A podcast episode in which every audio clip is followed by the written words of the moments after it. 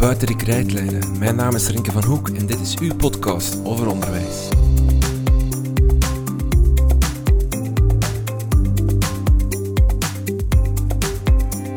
De komende maanden gaan we af en toe op wereldreis. We maken een podcastreeks over onderwijs in de wereld. Want volgens ons is er nog heel veel dat we kunnen leren van andere landen op gebied van onderwijs. We doen dit samen met VVOB Education for Development. Dit is een ontwikkelingsorganisatie die al 40 jaar werkt aan de duurzame verbetering van de kwaliteit van onderwijs wereldwijd. Ze proberen te bouwen aan een rechtvaardige wereld waarin overheden in staat zijn om het fundamentele recht op kwaliteitsvol onderwijs te garanderen en te realiseren. VVOB Education for Development werkt in België en in acht landen in Afrika, Zuid-Amerika en Azië. Dit netwerk is enorm waardevol ook voor het Vlaamse onderwijsveld. Met Inspired, het VVOB-programma rond gelijke onderwijskansen, brengt VVOB een internationale dialoog tot stand. Onderwijsactoren laten zich via de praktijk uit Afrika, Azië en Zuid-Amerika inspireren over hoe werken aan gelijke onderwijskansen en omgaan met diversiteit in Vlaanderen anders kan. De komende maanden mag u dus af en toe een kijkje over het muurtje verwachten en gaan we op zoek naar hoe andere landen werken rond gelijke onderwijskansen. We praten vandaag over dekolonisatie. Zuid-Afrika heeft een rijke koloniale geschiedenis. Eerst als Nederlandse kolonie en daarna als Britse. In 1948 werd Zuid-Afrika uiteindelijk onafhankelijk. Vele van die koloniale banden, tradities, ideeën en gedachten zijn nog steeds belangrijk en vele stemmen gaan op om over te gaan tot een dekolonisatie. Maar hoe doe je dat? Hoe ga je om met je koloniale verleden? Want ook wij hier in België hebben een stevig koloniaal verleden. Hoe moeten we daar naar kijken? En hoe moet onderwijs daarmee omgaan?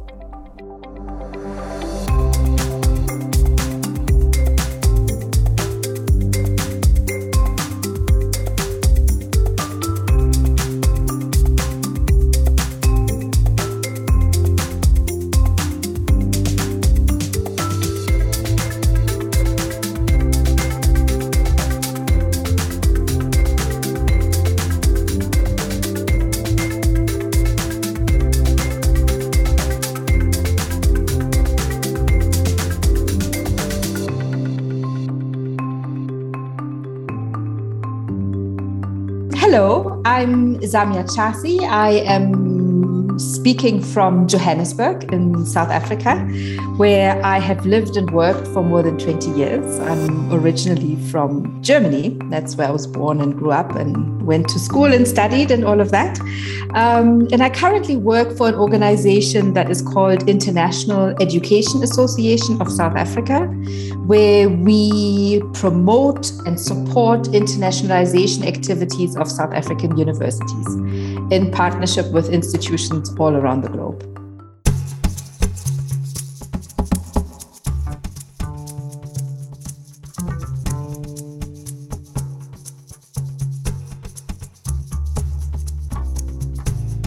We kunnen niet praten over dekolonisatie zonder eerst de kolonisatie in kaart te brengen. Daarom is mijn eerste vraag aan Samia om even kort de geschiedenis van Zuid-Afrika te schetsen.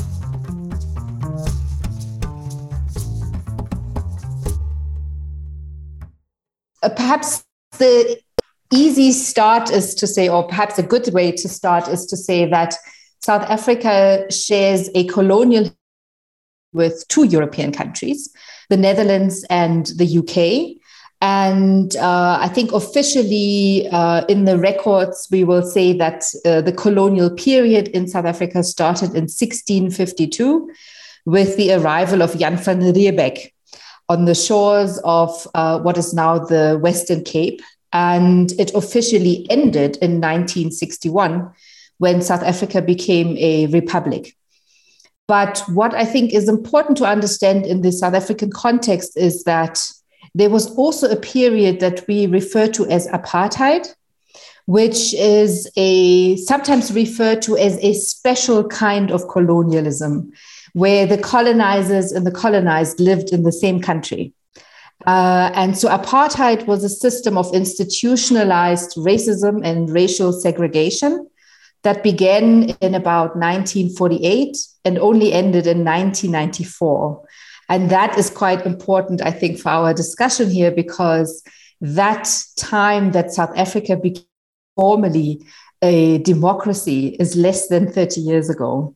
And so, for our conversation today, I think it's important to start from the assumption that the legacies of colonialism linger on in South Africa as we know it today.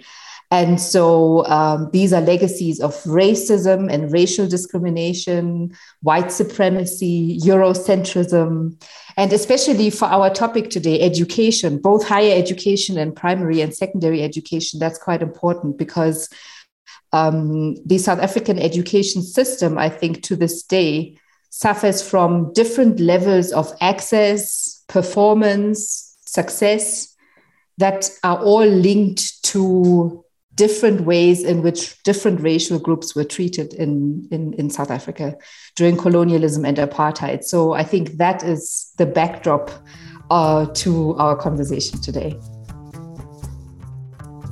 Zuid-Afrika werd gekoloniseerd door eerst Nederland en daarna Groot-Brittannië.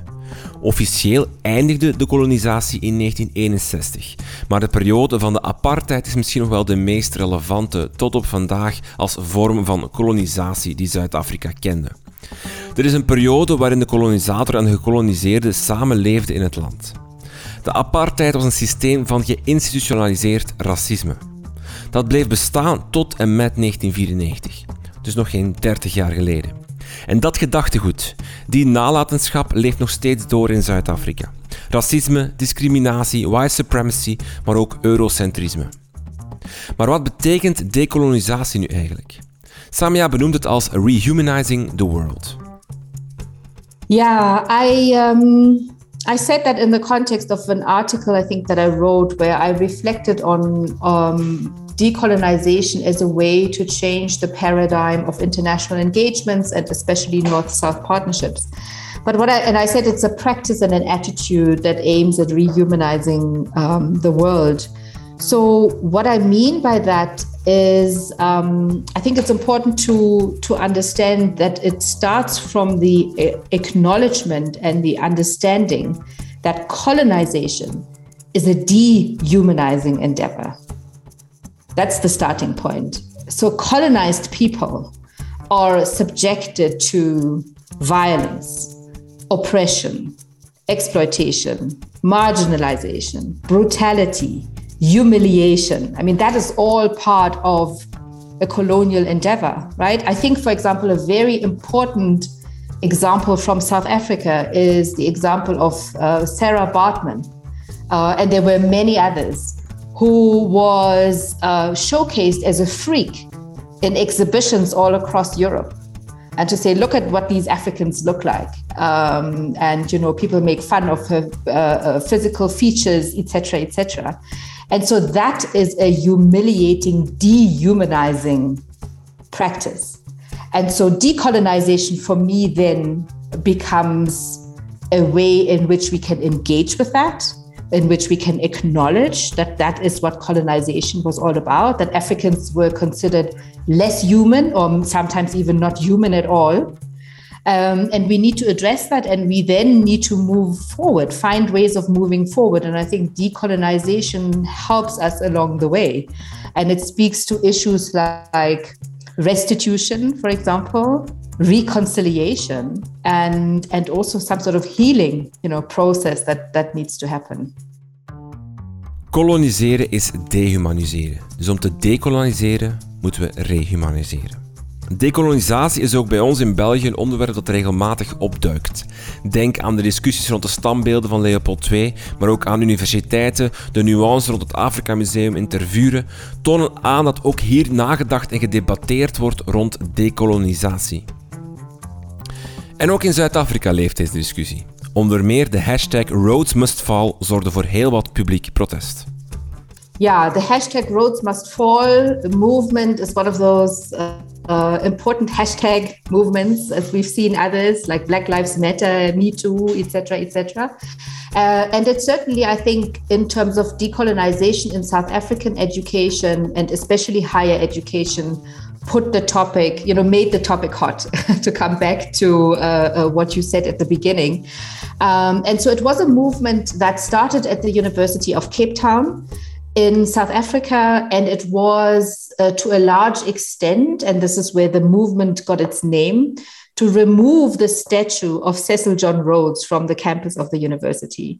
Cecil John Rhodes is a colonialist, uh, and as part of a decolonial movement, the students were asking questions around you know what is the importance what is the symbolism of a statue of a person with that legacy and history uh, on a campus of a university in africa that is attended by mostly african students. Um, and so you know this is part of the conversation around Rhodes must fall. But as a movement it was of course um, about a lot more than just a statue uh, it was about issues of access to education. Um, financing plays a big role in, in, in, South Africa in terms of obviously allowing access um, as well, but also issues around representation. You know, who um, do the students feel are represented at the universities? Uh, uh, in terms of their interest, in terms of their needs, in terms of the people that they're engaging with. And that also has an impact on the curriculum and what is being taught. Um, and the curriculum in South Africa to this day is very Eurocentric. So African students don't see themselves, they don't see the relevance necessarily of what they're being taught. So these are some of the issues that really illustrate that the legacy of colonialism is very complex and nuanced um, and has lots of elements that, that we need to tackle in terms of you know what we generally call the transformation project uh, to transform South African society from a colonial society into something else. Een symbooldiscussie over een standbeeld dat eigenlijk over veel meer gaat. Over toegang tot de universiteit, representatie, het curriculum dat te eurocentrisch is. De discussie rond dekolonisatie is altijd complex. Ook in Zuid-Afrika, want hoewel Zuid-Afrika in een andere positie zit dan wij, zij werden gekoloniseerd, wij koloniseerden, worden ook daar dezelfde discussies gevoerd en zitten ook daar mensen in verschillende situaties. Sommigen stammen af van een Britse kolonisator, anderen zijn trots op hun koloniale achtergrond, anderen verfoeien dan weer elke link met hun koloniaal verleden. De vraag stelt zich dan eigenlijk in hoeverre gaat dekolonisatie eigenlijk over wat het betekent om een Zuid-Afrikaan te zijn. You see, I find these questions rather difficult. And I tell you why. Because, I mean, what is a South African? uh, one, one would have to start there. If, if you look at uh, the lang- if we just take languages for, for an example, South Africa has 11 official languages. Two of these languages are of European origin, Afrikaans and English. The nine languages are African languages. And so um, the idea of nations and states as we know them is also very much linked to the colonial um, endeavor.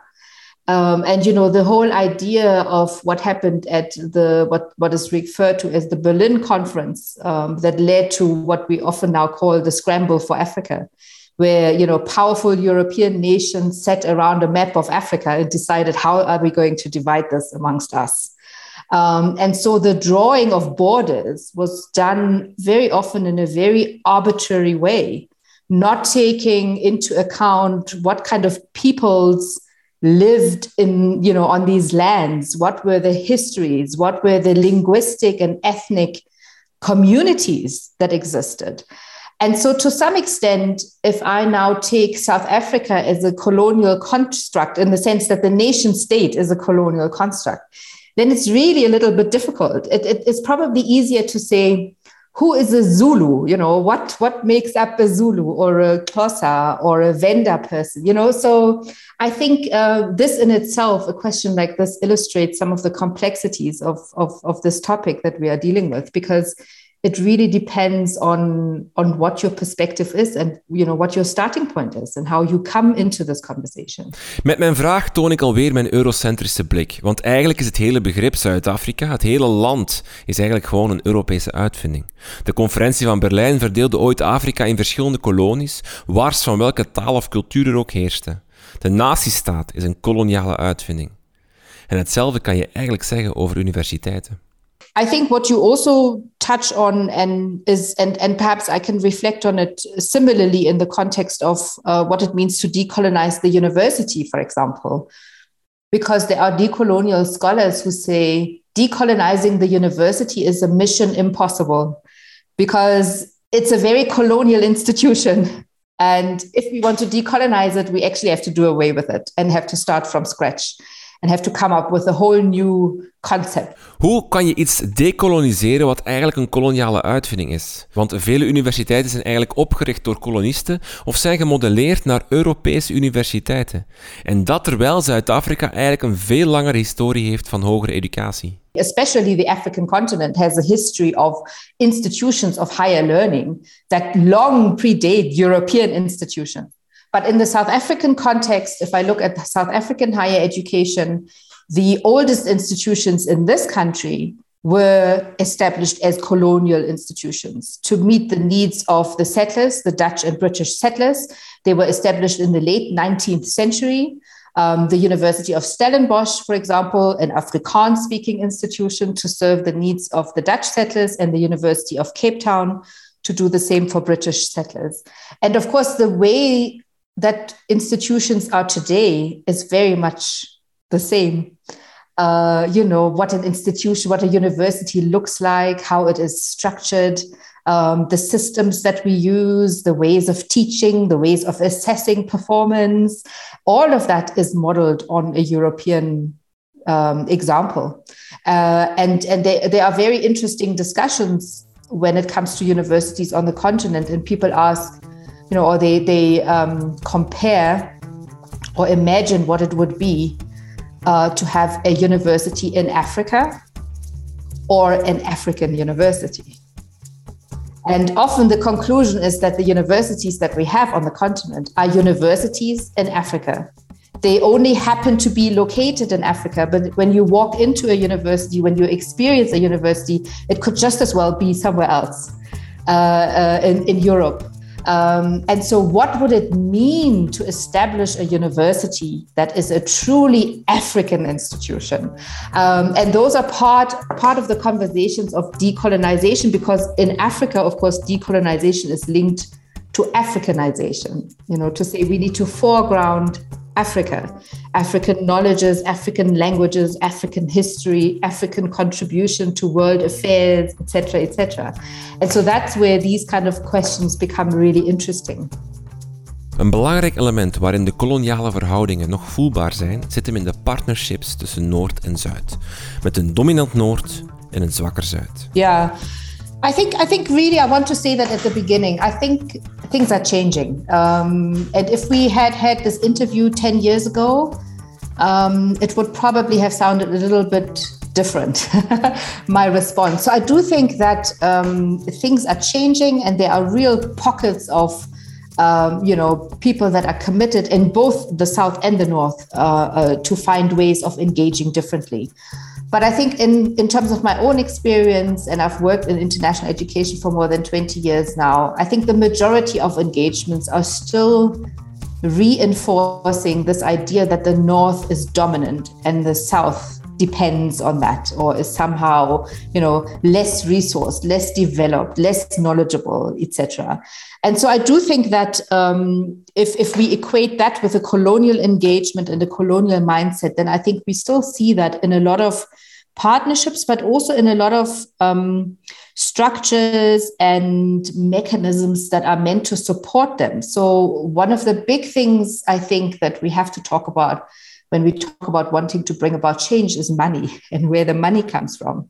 And it's a reality in South Africa that if you want to do world class, internationally recognized research, you probably end up uh, putting in a, an application for funding that comes from Europe or North America because that's where you know the money is. Um, but then when you get that kind of funding, it also means that it comes with its own agenda. Um, and you have to follow sometimes very rigid, um, you know, uh, ways of reporting, of using, being able to use the funds, etc., etc., that are not always responsive to what actually happens on the ground. And sometimes the mechanisms are designed and conceptualized based on, for example, a European model. You know, one of the things that we often reflect on here is, is the whole Bologna process that happened in in Europe, the harmonization of higher education, you know, the, the easy recognition of what is a bachelor program, what's a master's, et cetera, et cetera. And then there was a big funding program, intra ACP, an EU funded program that extended uh, this program to including the African continent and other regions. But if we start from the assumption that the different education systems on the continent are harmonized, then already we have a problem because they weren't. And so there were countries where a bachelor program was three years, and then there was another country where it was four years. And, you know, and now trying to implement an EU standard into a context that is not uh, operating in the same um, realities, that's difficult. Uh, and yet all the rules are aligned with you know what is being um, expected of what is possible and what is the norm in Europe. And the assumption is that everybody else falls falls in line with that.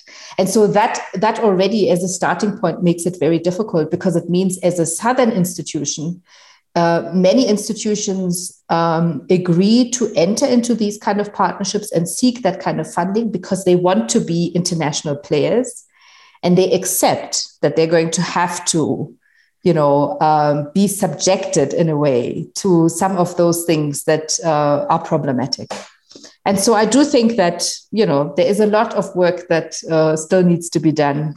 Nog heel vaak wordt in een samenwerking tussen Europa en Afrika de Europese wil opgelegd. Of komt het geld uit Europa, waardoor ook de eisen, de regels door Europa worden opgelegd. Nog al te vaak wordt er gedacht dat de kennis en het geld uit het noorden moet komen en dat men dan een samenwerking kan zoeken met een partij uit het zuiden om daar het veldwerk te doen. The northern gaze also means that there is an expectation that the most important works and theories come from northern scholars um, and are being taught also in a southern context and the knowledge production happens um, you know, in the North about the South, for example. Um, and so decolonization would be to try and find ways to counteract that. Um, and I give you an example from a university here, and I see now there are attempts to set up other such initiatives. Uh, a couple of years ago in Johannesburg at the University of the Witwatersrand, they established what they called the African Center for the Study of the United States. And this is this is based on the fact that most of the um, world renowned centers for African studies are actually in Europe and in North America. But in the South, do we produce our own knowledge about Europe, our own knowledge about the USA? And so this is part of a decolonization attempt is to say we are returning the gaze we are not only accepting that the USA has knowledge about South Africa, we want to create our own understanding of the USA and our relation to them. So that is part of that I think what it means to return the gaze. Een vorm van dekolonisatie kan dus zijn dat we de rollen proberen om te draaien. Dat het niet enkel het noorden of het westen is dat de kennis produceert over het zuiden, maar juist omgekeerd. Dat Zuid-Afrika ook onderzoek doet over de cultuur in bijvoorbeeld de Verenigde Staten van Amerika. Zuid-Afrika wil zijn eigen mening, zijn eigen kennis opbouwen over bijvoorbeeld Amerika. Hoe breken we uit dit framework, uit de vaste relatie tussen een dominant Noord en een volgend Zuid? Well, I think I can only reflect on that from the perspective of myself and the work that that I do, and I think the most important thing that we can do is to actually have a platform for conversation and dialogue, very much like what we are doing here. You know, where uh, uh, where we come together and where we reflect on our history and how we are linked and what this means for our present and then how we can co-create the future.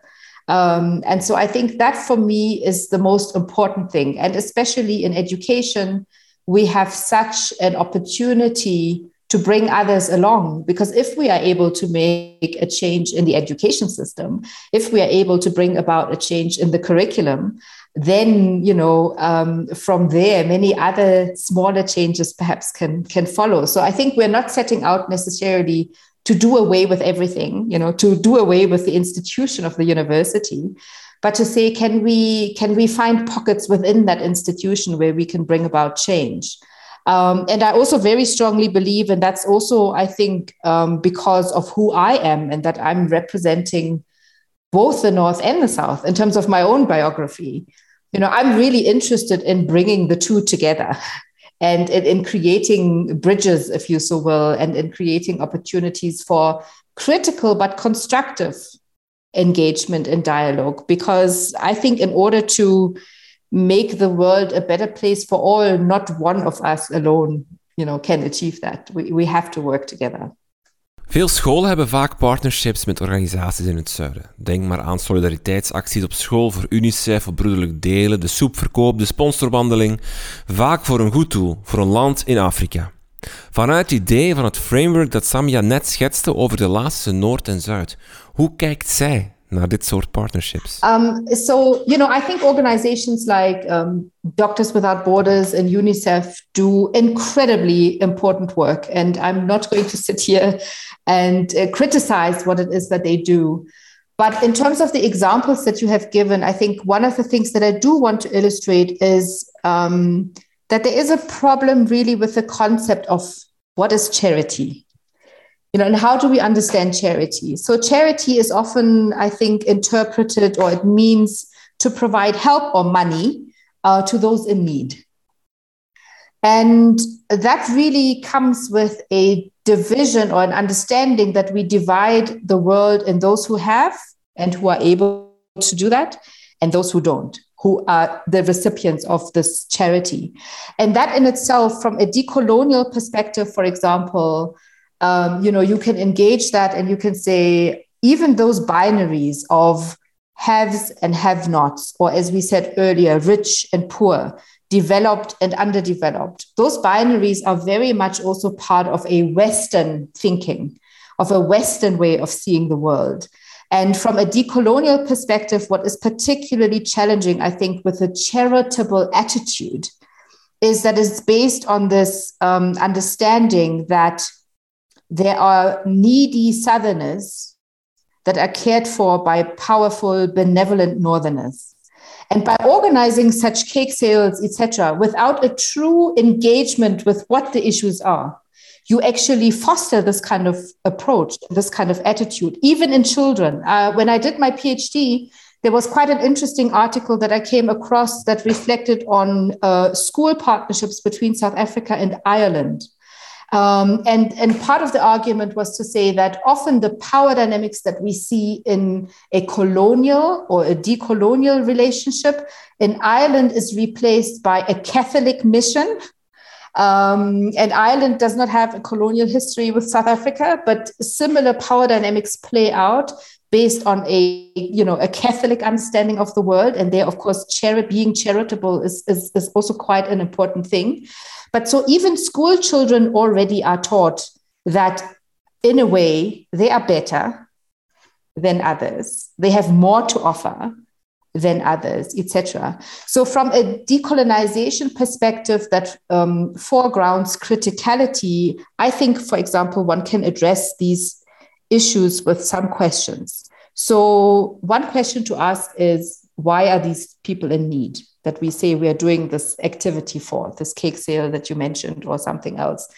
You know, why is it? Let's say this is a project for children in the DRC. You know, why is it that Belgium is a rich country and the DRC is a poor country? Is there a historical link to these current inequalities that we see?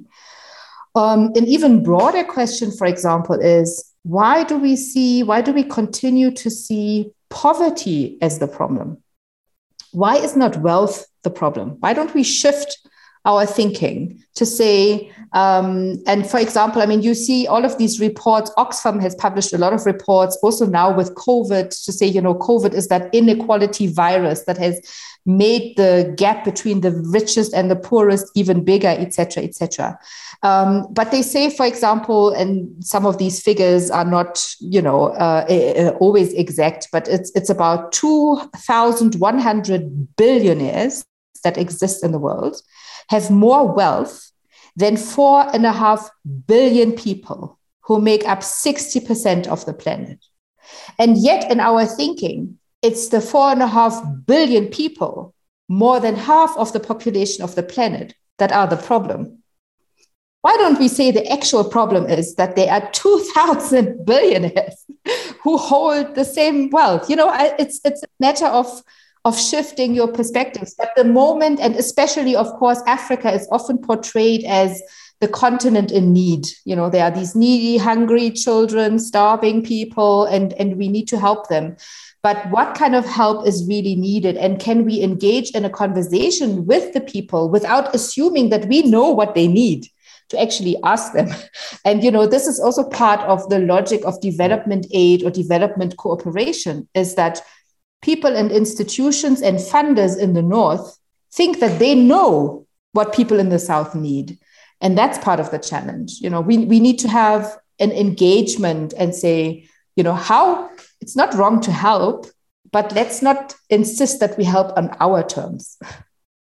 Um, so i think that you know those those are some of the things in which perhaps a decolonial perspective can change the engagement with something that we do quite typically do or that we are asked to do.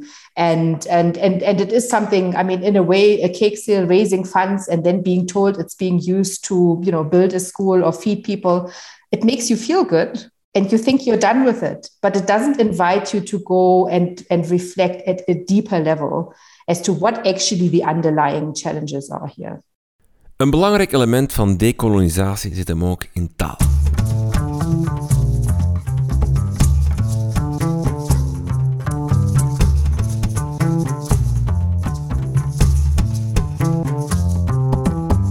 Yeah, absolutely. I mean, um, some people would say it's at the heart, it's at the very heart, it's at the very core of the decolonization project. And um, as I mentioned at the beginning, South Africa has 11 official languages, two of which are European or of European origin. Uh, but interestingly, those two are the most commonly used languages of instruction in South African universities. Of course, English is by far the most dominant medium of, of instruction.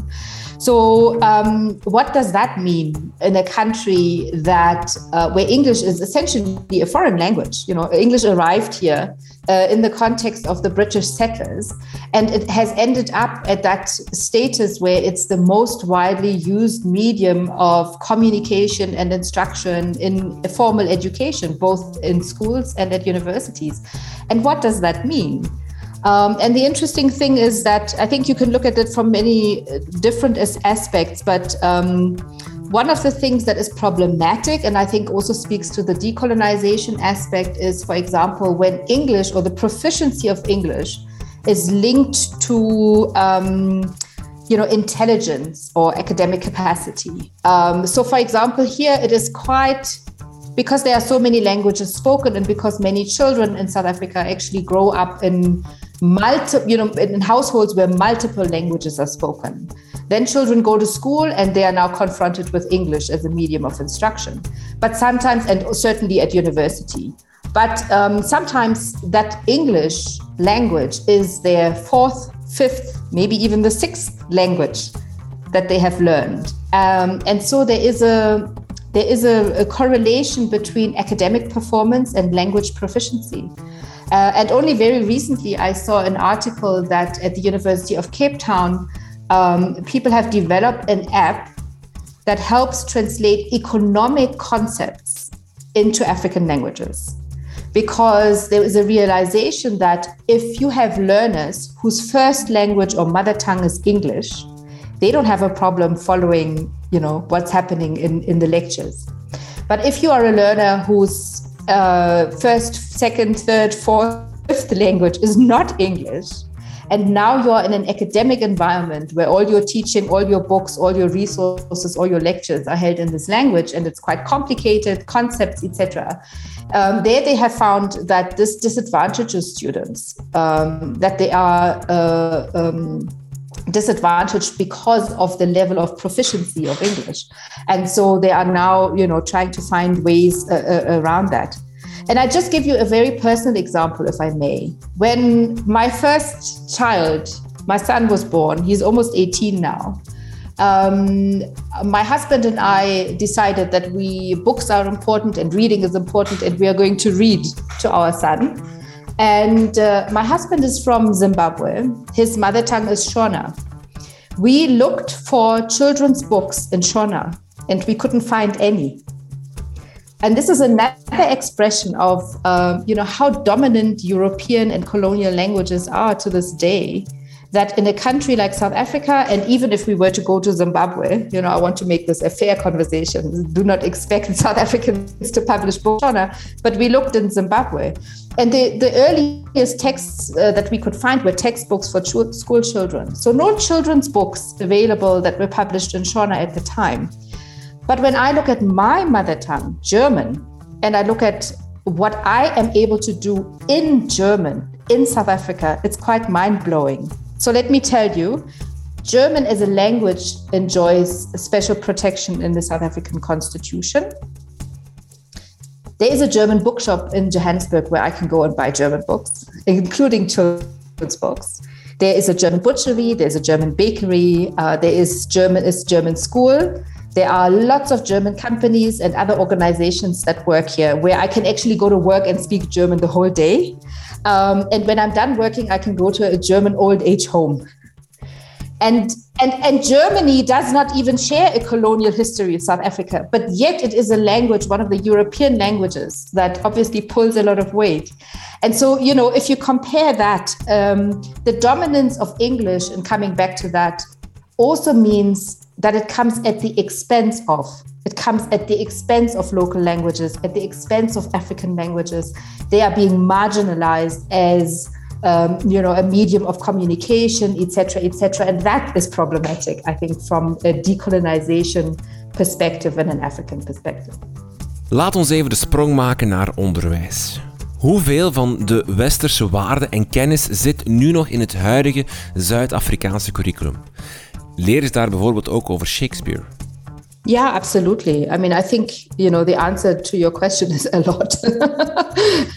and probably in some some extent, maybe even everything. I mean, it, it, it really depends, uh, you know, what the specific subject is, for example, or the course that, that you are teaching.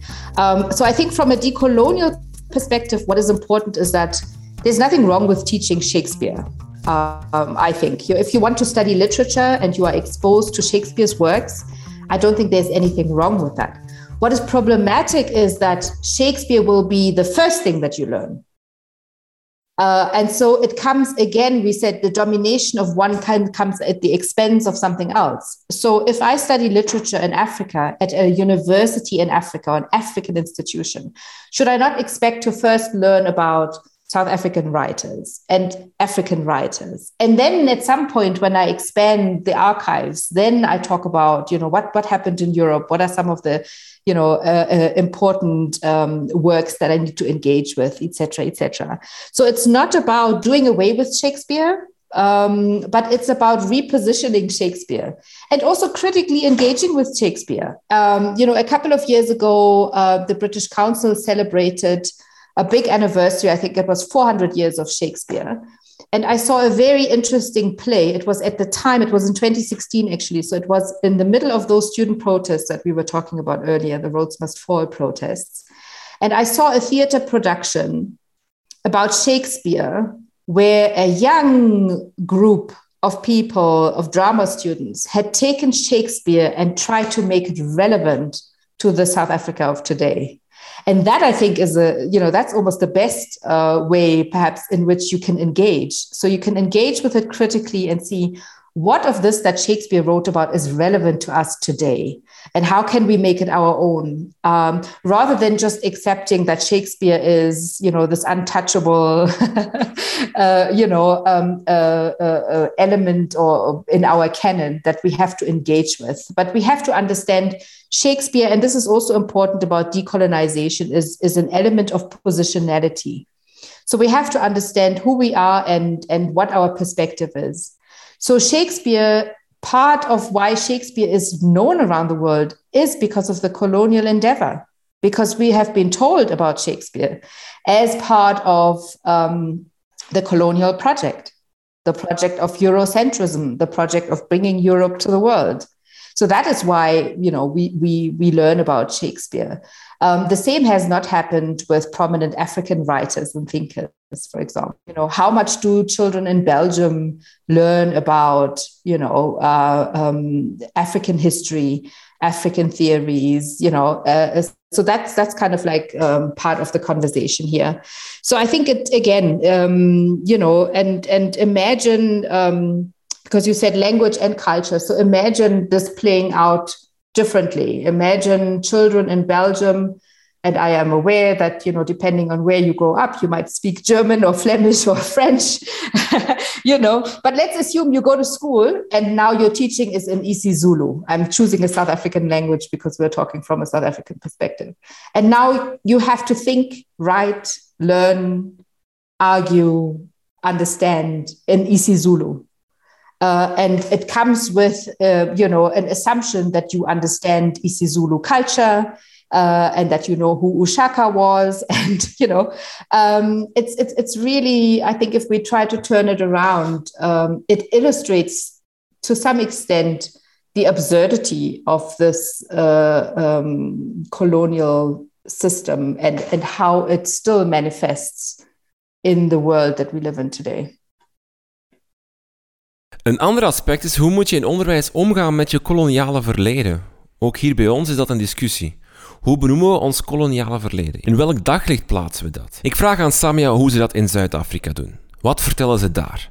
Zijn de Britten de slechte en de Zuid-Afrikanen de slachtoffers? Only, only partly. And that is, that is also still uh, the problem. Um, and I think this is part of the conversation that we have to have with ourselves much more deeply around how we can bring that criticality um, into you know into the curriculum and into the engagement. And so for example that um, uh, african union uh, book that i mentioned i think is for me one of the first attempts that i have seen that from the get-go says we are here to bust the myths you know, uh, uh, Africa is not that dark continent that everybody talks about. Africa has history. Africa has culture. Africa has, you know, some of the biggest achievements, uh, uh, you know, from architecture, etc., etc. And so um, that I think is, is really to some extent uh, a beginning. Samia, hoe wij er moeite hebben om om te gaan met ons koloniale verleden. Zeker ook in onderwijs. Ik vertel haar dat we struggle with it. What I find quite interesting is is your choice of words. So you you started off by saying that Belgians struggle with colon- with their colonial history, and you know we talked about how important it is to understand terms and concepts and ideas. So, for example, from a South African continent, uh, uh, uh perspective, the word struggle is very much linked to the anti colonialism or anti apartheid struggle. So it's almost synonymous with fighting and overcoming and, you know, fighting for freedom in particular. So we use words like we have struggle icons like Nelson Mandela and Walter Sisulu and Robert Sobukwe and others. And, you know, if you have participated in the struggle, then you have struggle credentials, you know, or you are a veteran of the struggle or something like that.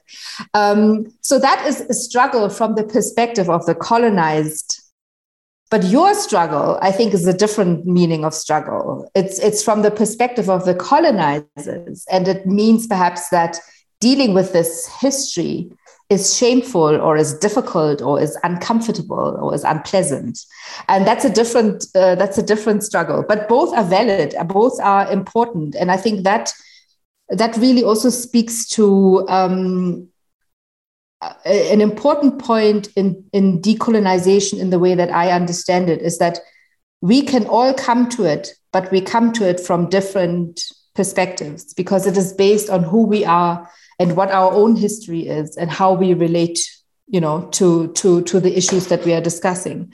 So in the context of of belgium for example i, I would ask you then if you say you struggle with colonial histories you know what what does this mean is there is there a real national reckoning with colonial history? Um, and we talked earlier about King Leopold. What what are the dominant opinions about this colonial figure? Is he revered? Do people know what he stood for? You know, he was the owner and ruler of the Congo, which was 80 times the size of Belgium. I mean, you know, just just try and reflect on that for a moment and say, what does this mean for one man to owe such a mass of a country? Um, and like you said, you know, some of the atrocities that that uh, you know were linked to his rule, etc., etc. So we talked about statues. You know, are there statues? What do they represent? How are they being perceived? What's the meaning of these things? What really is the legacy of, of, of this man? So I think those would be some things that I think one can start dealing with this guilt, you know, as as as as you called it, and in terms of moving forward um, I think I touched on it uh, before, but I think we have to understand who we are, what our history is, how we benefit from the world as it is today, you know um, so for example we often look at what we now say is the global north and the global south. You know as we say these are the global north is often synonymous with rich countries developed countries and the global south is the opposite of that poor countries underdeveloped countries. But what we then don't always do is that we bring the two together and say why why is belgium rich and why is the congo or the drc now poor? What is the connection you know, did African colonies contribute to the development of Europe? Um, who fueled industrialization in Europe that now makes us say it's more developed than other regions in the world? But there is a you know correlation here. Um, and that is something that we don't always look at when we when we look at the world in these binaries and we say you know there are rich people here and well resourced institutions and and and um, there are their counterparts in the south where that where that is not the case. But we have to think about how um, you know we are all implicated in this planet and in its history and hopefully in its future as well. Als laatste vraag aan Samia wat leerkrachten kunnen doen om bij te dragen aan de dekolonisatie. I think they play a very important role, um, a key role, and I think about you know my own experience and that of people i know who reflect on schooling and say you know there is this one teacher who really awakened my interest in a particular subject made me um, you know help me understand you know make sense of the world uh, uh, opened my eyes to um, you know ways of seeing the world.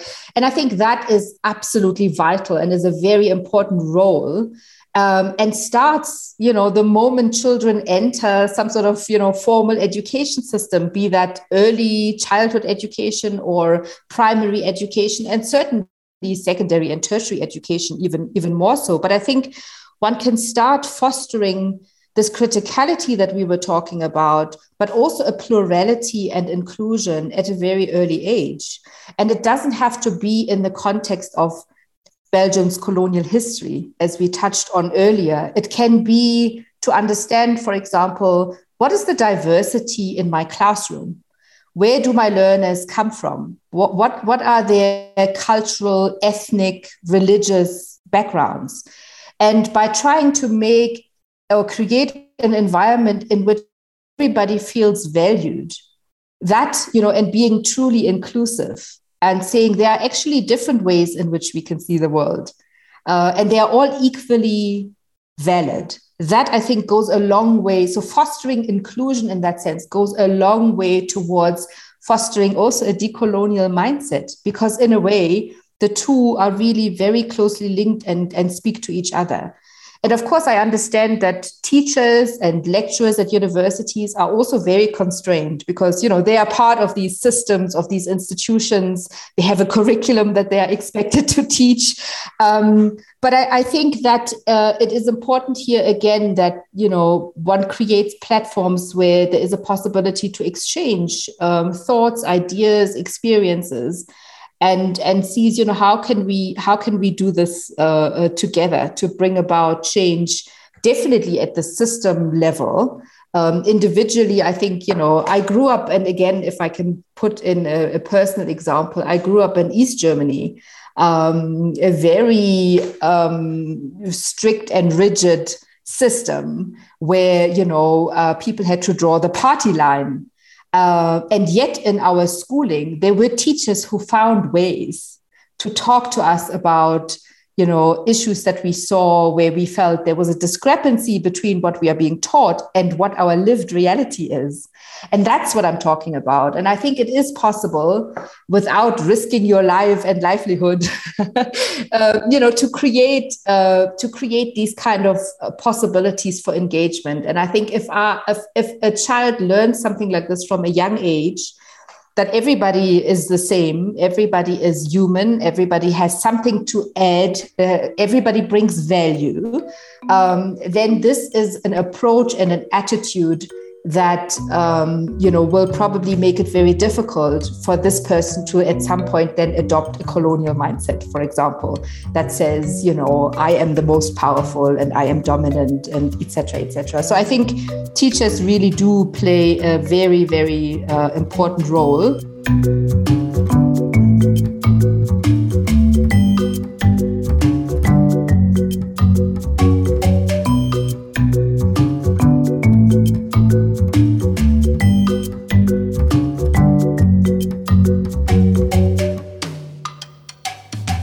Dit was het dan voor deze aflevering. Heel veel dank aan Samia Chassi om ons meer informatie te geven over decolonisatie in Zuid-Afrika. Deze podcast maken we in samenwerking met VVOB Education for Development. Meer info over deze organisatie en het hele Inspired-project vind je in de show notes van deze podcast. Blijf op de hoogte van onze plannen en nieuwe afleveringen via Twitter, Facebook of Instagram. Een lijst van al onze voorgaande afleveringen vind je op www.dekrijtlijnen.be. Dank voor het luisteren en tot de volgende.